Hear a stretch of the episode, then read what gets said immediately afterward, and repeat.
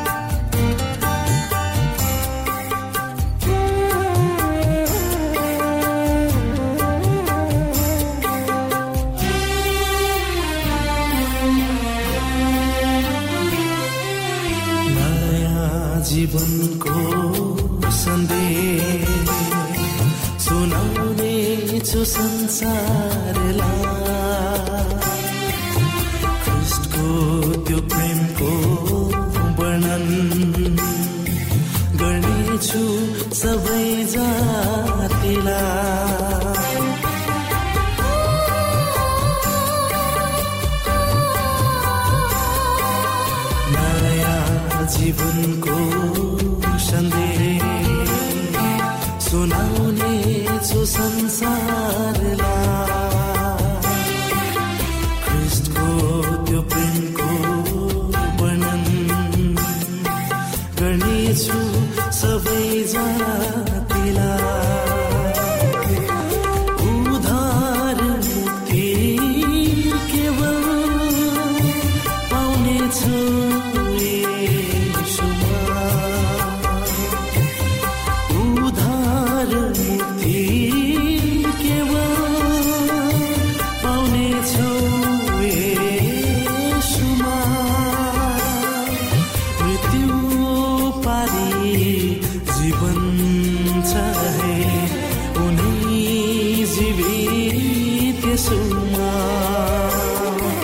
यसैले म हिँड्छु सधैँ तपाईँको मार्गमा। यसैले म हिँड्छु सधैँ तपाईँको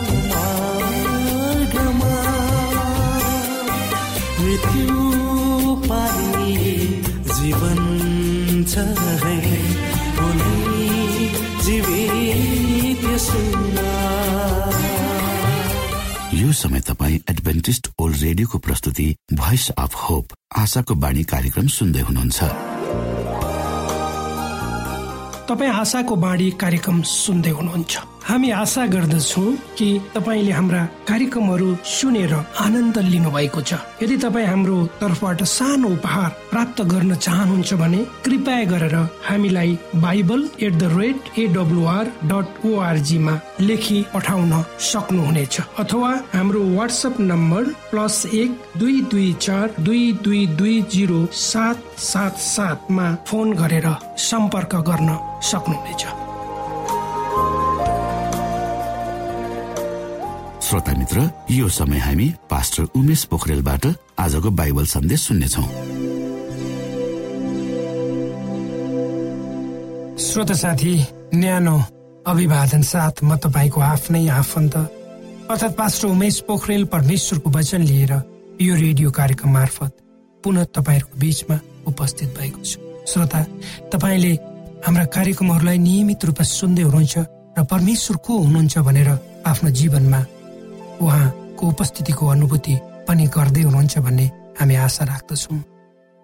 श्रोता आउनुहोस् तपाईँ हामी केही समय सँगसँगै परमेश्वरसँग बिताउ। आजको प्रस्तुतिलाई पस गर्नुभन्दा पहिले आउनुहोस् म परमेश्वरमा अगुवाईको लागि बिन्ती राख्छु। जीवित जिउँदो महान दयालु परमेश्वर प्रभु यीशु हामी धन्यवादी छौँ। यो जीवन र जीवनमा दिनुभएका प्रशस्त आशिषहरूको लागि। प्रभु यो रेडियो कार्यक्रमलाई म तपाईँको हातमा राख्दछु। यसलाई तपाईँको राज्य र महिमाको प्रचारको खाली यो देश र सारा संसारमा तपाईँ पुर्याउनुहोस् ताकि धेरै मानिसहरूले तपाईँको ज्योतिलाई चिन्न सक्नुहोस् र तपाईँको राज्यमा प्रवेश गर्न सक्नुहोस्। सबै बिन्ती प्रभु यीशुको नाममा। आमेन।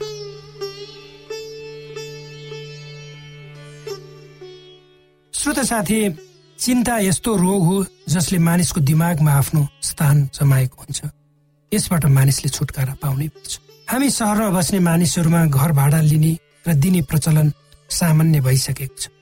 यदि तपाईँको घर केही समयसम्म कोही मानिस बस्न नआएर वा भाडा नलागेर खाली रह्यो भने त्यस विषयमा चिन्ता नलिनुहोस्। किनकि कोही न कोही ढिलो चाँडो आएर बसिहाल्छ चिन्ताले पनि त्यसै गर्छ श्रोता। त्यसरी नै चिन्ता पनि यताउता खाली दिमागको खोजीमा बहुतारिरहन्छ जसरी मानिसहरू घर खोजी हिँड्छन् र जहाँ उसको निम्ति उपयुक्त स्थान भेट्छ त्यसमा ऊ गएर बसिहाल्छ। के तपाईँको दिमागमा चिन्ताले आफ्नो वासस्थान बनाएको छ? वा के तपाईँले आफ्नो घर रूपी मनमा चिन्तालाई डेरामा राख्नु भएको छ? के उक्त चिन्ता तपाईँ बिहान उठ्दा तपाईँसँगै उठ्छ र बेलुका सुत्न ओछ्यान जाँदा पनि तपाईँसँगै सुत्न जान्छ? यो समस्या आजका युगमा बाँचेका सबै मानिसहरूको हो भन्दा अर्को अर्थ नलाग्ला जस्तो लाग्छ। चिन्ता र फिक्री मानिसका जीवनका अभिन्न अङ्ग नै भइसकेका छन् र यी कुराहरूलाई बिर्सेर मानिसले आफ्नो जीवन यात्रालाई निरन्तर दिने पर्ने हुन्छ। यदि चिन्ता र फिक्रीले तपाईँ हाम्रो दिमागलाई पूर्ण नियन्त्रण गरी चलायो भने त्यो ठुलो खतरा हुन सक्छ। तर पवित्र धर्मशास्त्र बाइबलमा यसरी ढाडसयुक्त वचनहरू लेखिएका छन्। जहाँ भनिएको छ प्रभु मेरा सहायक हुनुहुन्छ। म डराउने छैन। मानिसले मलाई के गर्न सक्छ? हो श्रोता साथी यदि तपाईँ र मैले क्रिस्ट येसुलाई आफ्नो जीवनमा ग्रहण गर्यौँ र उहाँको इच्छामा आफ्नो जीवनलाई छोडिदियौँ भने जुनसुकै किसिमका अप्ठ्याराहरू किन नहुन् ती तीबाट हामी माथि उक्लन सक्छौँ। अर्थात् हाम्रा जीवनका व्यक्त वा अव्यक्त जस्ता सुकै युद्धहरू किन नहुन् त्यसबाट हामीलाई परमेश्वरले विजय बनाउनुहुनेछ मानिसले सबभन्दा ठुलो युद्ध अरूसँग होइन। आफ्नो शत्रुसँग पनि होइन। आफ्नो प्रतिद्वन्दीसँग पनि होइन। आफ्नो छिमेकीसँग पनि होइन। त्यो त आफूसँग नै। वा आफ्नो शरीरको लालसा आँखाको लालसा र जीवनको सेखीसँग गर्नुपर्छ र गरिरहेको छ। यदि कुनै मानिसले आफूसँगको युद्धमा विजय हासिल गर्यो भने निश्चय नै उसलाई संसारसँगको युद्ध लड्न सहज हुन्छ। मानिसलाई जहिले पनि जति भए पनि पुग्दैन। किन? त्यसको उत्तर भनेको मानिसको मनमा भएको अनिश्चित भविष्यको डर वा चिन्ता नै हो। त्यसैले यता मानिस थाहा हुँदा हुँदै पनि आफ्नो भित्री ज्ञानको विरुद्धमा जान्छ र केवल आफ्नो निश्चित भविष्यको कल्पनामा नगर्नुपर्ने कामहरू गर्छ। उसलाई थाहा छ त्यो काम गर्नु हुँदैन चाहे मानिसले सामाजिक अपराध किन नगरोस्? चाहे भ्रष्टाचार किन नगरोस्? चाहे अरू किस कुनै पनि किसिमका लोभ लालचाका कुराहरू किन नगरोस्? यी सबै कुराहरू मान्छेलाई उसको विवेकले भन्छ त्यो ठिक छैन तर पनि ऊ गर्छ। यदि मानिसले आफ्नो मनमा परमेश्वरलाई पूर्ण वा शत प्रतिशत बस्न दिएको छ भने उक्त मनले उसको शरीरलाई नियन्त्रण र निर्देशित गर्छ अनि मानिसको बोली व्यवहार गराई उठाई बसाई। सबै परमेश्वरको इच्छा अनुसार असल कुराका निम्ति भलाइका निम्ति हुन्छ। ती कुराहरूमा प्रेम दया क्षमा कृपा सद्भावना विश्वास विनम्रता जस्ता कुराहरू पाइन्छ र हाम्रा जीवनमा चिन्ता र फिक्रीको कुनै स्थान रहँदैन। श्रोत साथी तपाईँ हामी सबैजनाले आफ्नो जीवनको यात्रामा राम्रा नराम्रा अवस्थाहरू दुःख कष्टहरूलाई भोग्नै पर्छ। र भोगि नै रहेका छौँ वा भोगेर आएका छौँ। र विभिन्न अवस्था र परिस्थितिहरूमा हामी भएर चिन्तामा हुन्छौँ। तर यी सबै कुराहरू हामीले परमेश्वरमा बिसाउन सिक्यौँ भने वा सक्यौँ भने हामीले कुनै पनि प्रतिकूल परिस्थितिहरूमा डराउनु पर्ने आवश्यकता छैन। कहिलेकाहीँ हामीलाई लाग्न सक्छ हाम्रा समस्याहरू यति ठुला छन्। हाम्रा शत्रुहरूले हामीलाई घेरिरहेका छन्। र उनीहरू हामीभन्दा धेरै शक्तिशाली छन्। हामी आफूलाई केही गर्न नसक्ने निरह अवस्थामा पाउँछौँ। तर त्यो बेलामा पनि परमेश्वर तपाईँ र मसँग हुनुहुन्छ भन्ने कुरा हामीले कदापि बोल्नु हुँदैन। जबसम्म हामीले सत्यलाई बुझ्दैनौँ उक्त सत्य अनुसार आफ्नो जीवनलाई चलाउँदैनौँ तबसम्म हाम्रो मनलाई डर र चिन्ताले आफ्नो कब्जामा लिएको हुन्छ। हामी स्वतन्त्र हुँदैनौँ। तर जब तपाईँ र मेरो दिमाग परमेश्वरको वचनले भरिएको हुन्छ तब हाम्रो दिमागमा चिन्तालाई कुनै स्थान नै हुँदैन। त्यसैले त पावल प्रेरित कुरन्थीका विश्वासीहरूलाई लेखेको आफ्नो पत्रमा भन्छन्। किनभने हामी संसारका हौ तापनि सांसारिक लडाईँ त लड्दैन। किनकि हाम्रो युद्धका अस्त्र शस्त्र सांसारिक होइनन् तर किल्लाहरू नाश गर्ने ईश्वरीय सामर्थ्य तिनमा छ। परमेश्वरको ज्ञानको विरुद्धमा खडा हुने वाहनहरू र हरेक अहङ्कारपूर्ण बाधाहरूलाई हामी नाश गर्छौँ। हरेक विचारलाई क्रिस्टको आज्ञा पालन गर्नलाई बस्नु पर्छ हो श्रोता साथी परमेश्वरका हतियारहरू हामीलाई दिएका छन्। जुन हतियारहरू तपाईँ र मेरो अनुहारमा देखिने डरभन्दा धेरै शक्तिशाली छन्। र तपाईँलाई तपाईँको हतियारहरू अवश्य थाहा हुनुपर्छ। त्यसकारण तपाईँसँग भएको परमेश्वरका हात हतियारहरूलाई तपाईँले मर्मन्त सम्मार गरी राम्रो अवस्थामा राख्नुपर्छ। र त्यसलाई उपयुक्त समयमा प्रयोग गर्नु पनि पर्छ। त्यसकारण सर्वशक्तिमान परमेश्वर परमप्रभु परमेश्वर यसो भन्नुहुन्छ ती मानिसहरूले यस्ता कुरा भनेका हुनाले म मेरो वचन तेरो मुखमा आगो र यी मानिसहरूलाई चाहिँ भस्म हुने दाउरा तुल्याउनेछु। जब तपाईँ परमेश्वरमाथि पूर्ण विश्वास गर्नुहुन्छ तब परमेश्वरका वचनहरू तपाईँद्वारा व्यक्त हुन थाल्छन्। तपाईँको अनुहारमा हुने चिन्ताका रेखा तपाईँबाट सदाका निम्ति टाढा हुन्छन्। जसरी जहाँ घाम हुन्छ त्यहाँ छाया हुँदैन। भनिन्छ त्यसै गरी जहाँ परमेश्वर हुनुहुन्छ त्यहाँ चिन्ता फिक्री वा सैद्धान्तिक उपस्थिति पनि हुँदैन कदापि हुँदैन। श्रोत साथी तपाईँ हामी खबर कागजहरूमा टेलिभिजनहरूमा दिनौँ विभिन्न व्यक्तिहरूको विषयमा पढ्छौँ सुन्छौँ र विशेष गरी समाजका विभिन्न क्षेत्रमा नाउँ चलेका व्यक्तित्वहरूको बारेमा भनिएका राम्रा नराम्रा कुराहरू आलोचना प्रत्यालोचनाहरू र ती व्यक्तित्वहरू जसको विषयमा आलोचना प्रत्यालोचनाहरू हुन्छन्। राष्ट्रिय अन्तर्राष्ट्रिय रूपमा। तर पनि तिनीहरू आफ्नो लक्ष्य वा विचारमा यताउता एक इन्च पनि ढलपल नगरी अगाडि बढिरहेको देख्दा मलाई उनीहरूको व्यक्तित्व प्रति गर्व लाग्छ। तर यिनीहरू त मानिस केवल केही समयको निम्ति कुनै निश्चित क्षेत्रमा सफलता हासिल गरेका व्यक्तित्वहरू मात्र हुन्। तिनीहरूको त त्यत्रो आत्मविश्वास छ र उनीहरू निडर भई आफ्नो लक्ष्यमा अगाडि बढ्छन् चाहे जस्तो सुकै प्रतिकूल अवस्थालाई उनीहरूले भोग्नु किन्न परोस् भने परमेश्वर जो सारा संसारको सृष्टिकर्ता मालिक हुनुहुन्छ। उहाँको बारेमा कति आकलन गर्ने त। उहाँ त हिजो पनि हुनुहुन्थ्यो आज पनि हुनुहुन्छ हामीसँगै र भोलि पनि उहाँ हुनुहुन्छ। उहाँसँग कति भर पर्ने त भन्दा शत प्रतिशत। कुनै शङ्का बिना आँखा चिम्लेर भन्दा पनि भयो। श्रोता साथी आफूले आफूमा भर पर्ने होइन। यदि तपाईँ आफूमा नभई परमेश्वरमा भर पर्नुभयो भने निश्चय नै तपाईँले तय गर्नुपर्ने जीवनका दौडहरूमा परमेश्वरले अवश्य तपाईँलाई सहयोग गर्नुहुनेछ। पवित्र धर्मशास्त्र बाइबलको पहिलो कोरन्ती नौ अध्यायको चौबिस पदमा पाउल प्रेरित लेख्छन् इनाम प्राप्त गर्ने किसिमले दौड। हो श्रोता मित्र हामीले आफ्नो जीवन रूपी दौडमा इनाम प्राप्त गर्ने किसिमले दौडनुपर्छ। उक्त दौडमा जब हामी परमेश्वरमा विश्वास राखेर दौडन्छौँ तब इनाम अवश्य प्राप्त गर्न सक्छौँ। परमेश्वरले यी वचनहरूद्वारा तपाईँलाई आफ्नो जीवनमा कसरी दौडनु पर्छ त्यसमा अगुवाई गर्नुहोस्।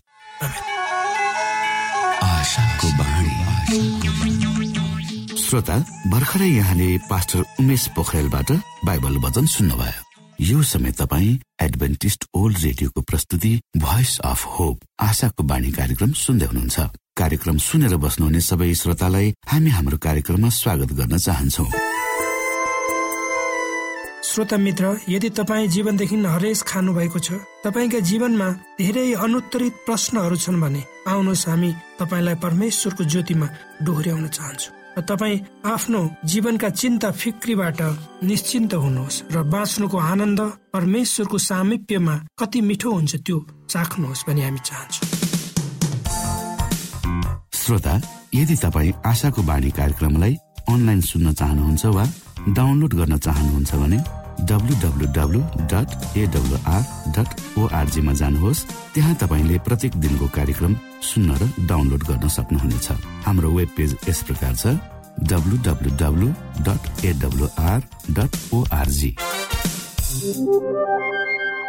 श्रोता यदि तपाईँ हामीसित सिधै फोनमा सम्पर्क गर्न चाहनुहुन्छ भने हाम्रा नम्बरहरू यस प्रकार छन्।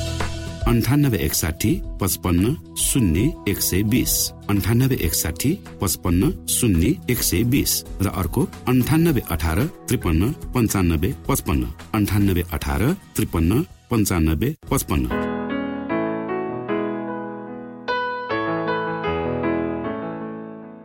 एडभेन्टिज ओल्ड रेडियो हो। तपाईँ आशाको बाणी कार्यक्रम सुन्दै हुनुहुन्छ। यस सम्बन्धी थप जानकारीको लागि कृपया गरेर हामीलाई सम्पर्क राख्न सक्नु हुनेछ हाम्रो इमेलको ठेगाना Bible at the rate AWR dot ORG अर्थात् B I B L E at AWR dot ORG हो।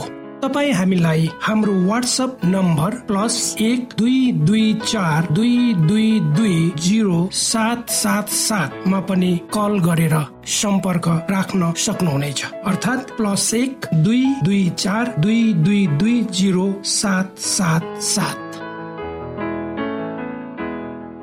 यो आशाको बाणी रेडियो कार्यक्रम हो। म धनलाल राई यहाँहरूलाई यस कार्यक्रममा न्यानो स्वागत गर्दछु। आज म तपाईँको बीचमा बाइबल सन्देश लिएर आएको छु।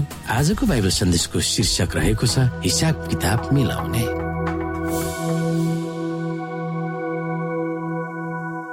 श्रोता यसुको सेवा कार्य बन्द हुने बेलामा उहाँको चेलाहरू उहाँ कहाँ आएर यो व्यक्तिगत प्रश्न सोधेका थिए। ती सबै थोकहरू कहिले हुनेछ? तपाईँ आउनुहुने र संसारको अन्त्य हुने चिन्ह के के हुन्? यसैले तिनीहरूको प्रश्नको जवाब दिनुभएको दुई अध्यायहरूमा समावेश भएको छ। मत्ती चौबिसमा भौगोलिक संसारमा हुने चिन्हहरू र जुन अहिले खपिरहेका छौँ जस्तै युद्ध प्राकृतिक प्रकोप आदि अनि मत्ती पच्चिसमा उहाँ आउनुभन्दा अघि चर्च वा यसुलाई विश्वास गर्नेहरूको अवस्था कस्तो हुनेछ भनेर खुलासा गरिएको छ। त्यस बेला हुने चर्चको अवस्थालाई तीन अर्थकथाहरूले चित्रण गरिएको छ। तिनीहरूमा सिक्काको अर्थकथा एक हुन्। त्यसको अर्थ उहाँले आफ्ना जनहरूलाई छोड्नु भएको दक्षता सिप वरदान र अवसरहरूलाई कसरी प्रयोग गरे वा गरेनन् भनेर उल्लेख गरिएको छ। मत्ती पच्चिस अध्यायको चौधदेखि उन्नाइसलाई हामी हेर्न सक्छौ। को टाढा देश वा प्रदेशमा यात्रा गरिरहनु भएको छ? उहाँका सम्पत्तिहरू कसलाई सुम्पर्नु भएको छ? हिसाब किताब मिलाऊ भन्नुको अर्थ के हो? आउनु श्रोता हामी यहाँ चौधदेखि हेरौँ। किनकि यो चाहिँ कुनै मानिस जस्तो हो जसले परदेश जाँदा आफ्ना नोकरहरूलाई बोलाए आफ्नो धन सम्पत्ति तिनीहरूलाई जिम्मा दिए। तिनले हरेकलाई तिनीहरूका आफ्ना योग्यता अनुसार एउटालाई पाँच सुनका सिक्का अर्कालाई दुई र अर्कालाई एक दिएर तिनी गइहाले। तब पाँच सुनका सिक्का पाउनेले तुरन्तै गएर त्यो व्यापारमा लगाइकन अरू पाँच सिक्का कमायो। त्यसरी नै दुई सिक्का पाउनेले पनि अरू दुई सिक्का कमायो तर एक सिक्का पाउनेले चाहिँ गएर भुइँ खनेर आफ्ना मालिकको धन लुकाइराख्यो। धेरै दिनपछि ती नोकरहरूका मालिक आए र तिनले तिनीहरूसँग हिसाब मागे। कतिपय समयमा सिक्काहरू भन्दा हामीमा भएका प्राकृतिक दक्षता प्रतिभा र सिप भनेर सोच्दछौ। तर त्यही खालको कथा लुका उन्नाइस अध्यायको एघारदेखि चौबिसमा हामी हेर्न सक्छौ। यहाँ पैसाको व्यवस्थापन हो भनेर स्पष्ट गरिएको छ। यस मामिलामा दिदी एलएनजी वाइटले व्यक्त गर्नुहुन्छ सुनको सिक्काको कथा मानिसहरूले पूर्ण रूपमा बुझेको छैन भनेर मलाई देखाइएको थियो। यो महत्वपूर्ण कथा युगको अन्तमा बाँचिरहेका इसाईहरूको फाइदाको निम्ति दिएको थियो। ती सिक्काहरू केवल प्रचार गर्ने खुबी र परमेश्वरको वचनमा देखाइएका सत्यहरूलाई सिकाउनु मात्र होइन। यस कथामा उहाँका जनहरूलाई सुम्पिनु भएको अस्थायी भौतिक थोकहरूलाई तिनीहरूले कसरी सम्हाली राख्नुपर्छ भनेर सिकाएको मान्नु पर्दछ मती पच्चिस अध्यायको बिसदेखि तेइसलाई हामी हेर्न सक्छौ परमेश्वरको काममा सहयोग गर्ने पैसाका विश्वासिलो व्यवस्थापकहरूको बारेमा परमेश्वरले के भन्नुभएको छ? तिम्रो स्वामीको खुसियालीमा सहभागी हो भनेको अर्थ के हो? हामी हेर्न सक्छौ तब पाँच सुनका सिक्का पाउने नोकरले अरू पाँच सिक्का ल्याई अगाडि आएर यसो भन्यो हजुर तपाईँले मलाई पाँच सिक्काको जिम्मा दिनुभएको थियो। हेर्नुहोस् मैले अरू पाँच सिक्का कमाएको छु। मालिकले त्यसलाई भने स्याबास असल र विश्वासी नोकर। त थोरै कुरामा विश्वासी भइस अब म तँलाई धेरै कुराको जिम्मा दिनेछु। त आफ्ना मालिकको खुसीमा सहभागी हो। दुई सिक्का पाउनेले पनि आएर भन्यो हजुर तपाईँले मलाई दुई सिक्का दिनुभएको थियो। हेर्नुहोस् मैले अरू दुई सिक्का कमाएको छु। त्यसका मालिकले त्यसलाई भने सवास असल र विश्वासी नगर त थोरै कुरामा विश्वासी भइस। अब म तँलाई धेरै कुराको जिम्मा दिनेछु। त आफ्ना मालिकको खुसीमा सहभागी हो। धेरै सिक्का वा आशिष पाउनेहरू परमेश्वरतिर धेरै जिम्मेवारी हुन्छन् भन्ने कुरालाई हामीले सोच्नु स्वाभाविक छ। तर त्यस कथामा एकै सिक्का वा थोरै पाउनेले पनि त्यसलाई उचित रूपमा प्रयोग नगर्दा त्यो व्यक्ति विश्वासघात गरिएको र अनन्तको राज्य गुमायो भनेर प्रमाणित गरेको छ। अरूहरूको जिम्मेवारीको बारेमा सोच्नुभन्दा हामीलाई परमेश्वरले के सुम्पर्नु भएको छ र त्यसलाई परमेश्वरको महिमामा कसरी प्रयोग गर्न सक्छौ त्यसको बारेमा हामी सोच्न सक्छौँ। अन्तिम श्रोता जब तपाईँ कहाँ परमेश्वर आउनुहुन्छ तब तपाईँको हिसाब किताब उहाँसँगै कसरी मिलाउने भनेर तपाईँ सोच्नुहोस्। त्यो कुरामा हामी विचार गर्न सक्दछौ। आफ्ना मनमा भएका केही दुविधा र शङ्काहरू छन् भने अवश्य हामीसँग बाँडेर शङ्काको निवारण गर्नुहुनेछ र सही प्रकारको बाटो पहिलाउन सक्नुहुनेछ परमेश्वरको सच्चाइले अझ राम्रो बुझ्न सक्नुहुनेछ र आफ्नो जीवनलाई परमेश्वरमा पूर्ण समर्पित भएर समर्पण सहितको जीवन बिताउन सक्नुहुनेछ भनेर आशा राख्दै अब हामी हाम्रो कार्यक्रम सकिएको जानकारी यहाँलाई गराउन चाहन्छौ। जानुभन्दा अगाडि श्रोता हामी यहाँलाई हाम्रो ठेगानाको विषयमा जानकारी गरौं। हामीसँग पत्राचार गर्ने हाम्रो ठेगाना यस प्रकार छ। आशाको बाणी पोस्ट बक्स नम्बर दुई शून्य शून्य शून्य दुई काठमाडौँ नेपाल। आशाको बाणी पोस्ट बक्स नम्बर दुई शून्य शून्य शून्य दुई काठमाडौँ नेपाल। यसै गरी श्रोता यदि तपाईँ हामीसँग सिधै कुराकानी गर्न चाहनुहुन्छ भने हाम्रो फोन नम्बर यस प्रकार छ। अन्ठानब्बे एकसाठी पचपन्न शून्य एक सय बिस र अर्को अन्ठानब्बे अठार त्रिपन्न पञ्चानब्बे पचपन्न। यदि तपाईँ हामीलाई अनलाइन सुन्न चाहनुहुन्छ वा डाउनलोड गर्न चाहनुहुन्छ भने तपाईँ W W W dot AWR dot ओआरजीमा जानुहोस् र त्यहाँ तपाईँले हाम्रा सबै कार्यक्रमहरू सुन्न सक्नुहुनेछ। हाम्रो वेब पेज यस प्रकार छ W dot AWR dot ORG श्रोता यसमा गएर तपाईँले हाम्रा दैनिक कार्यक्रमलाई सुन्न सक्नुहुनेछ र डाउनलोड पनि गर्न सक्नुहुनेछ। हवस् त श्रोता हाम्रो कार्यक्रम सुनिदिनु भएकोमा एकचोटि फेरि यहाँलाई धन्यवाद दिँदै भोलि फेरि यही स्टेशन यही समयमा यहाँसँग भेट्ने आशा राख्दै प्राविधिक साथी राजेश पास्टर उमेश पोखरेल र कार्यक्रम प्रस्तुता म रवि यहाँसँग विदा माग्दछौ। परमेश्वरले तपाईँलाई धेरै धेरै आशिष दिनुभएको होस्। नमस्कार।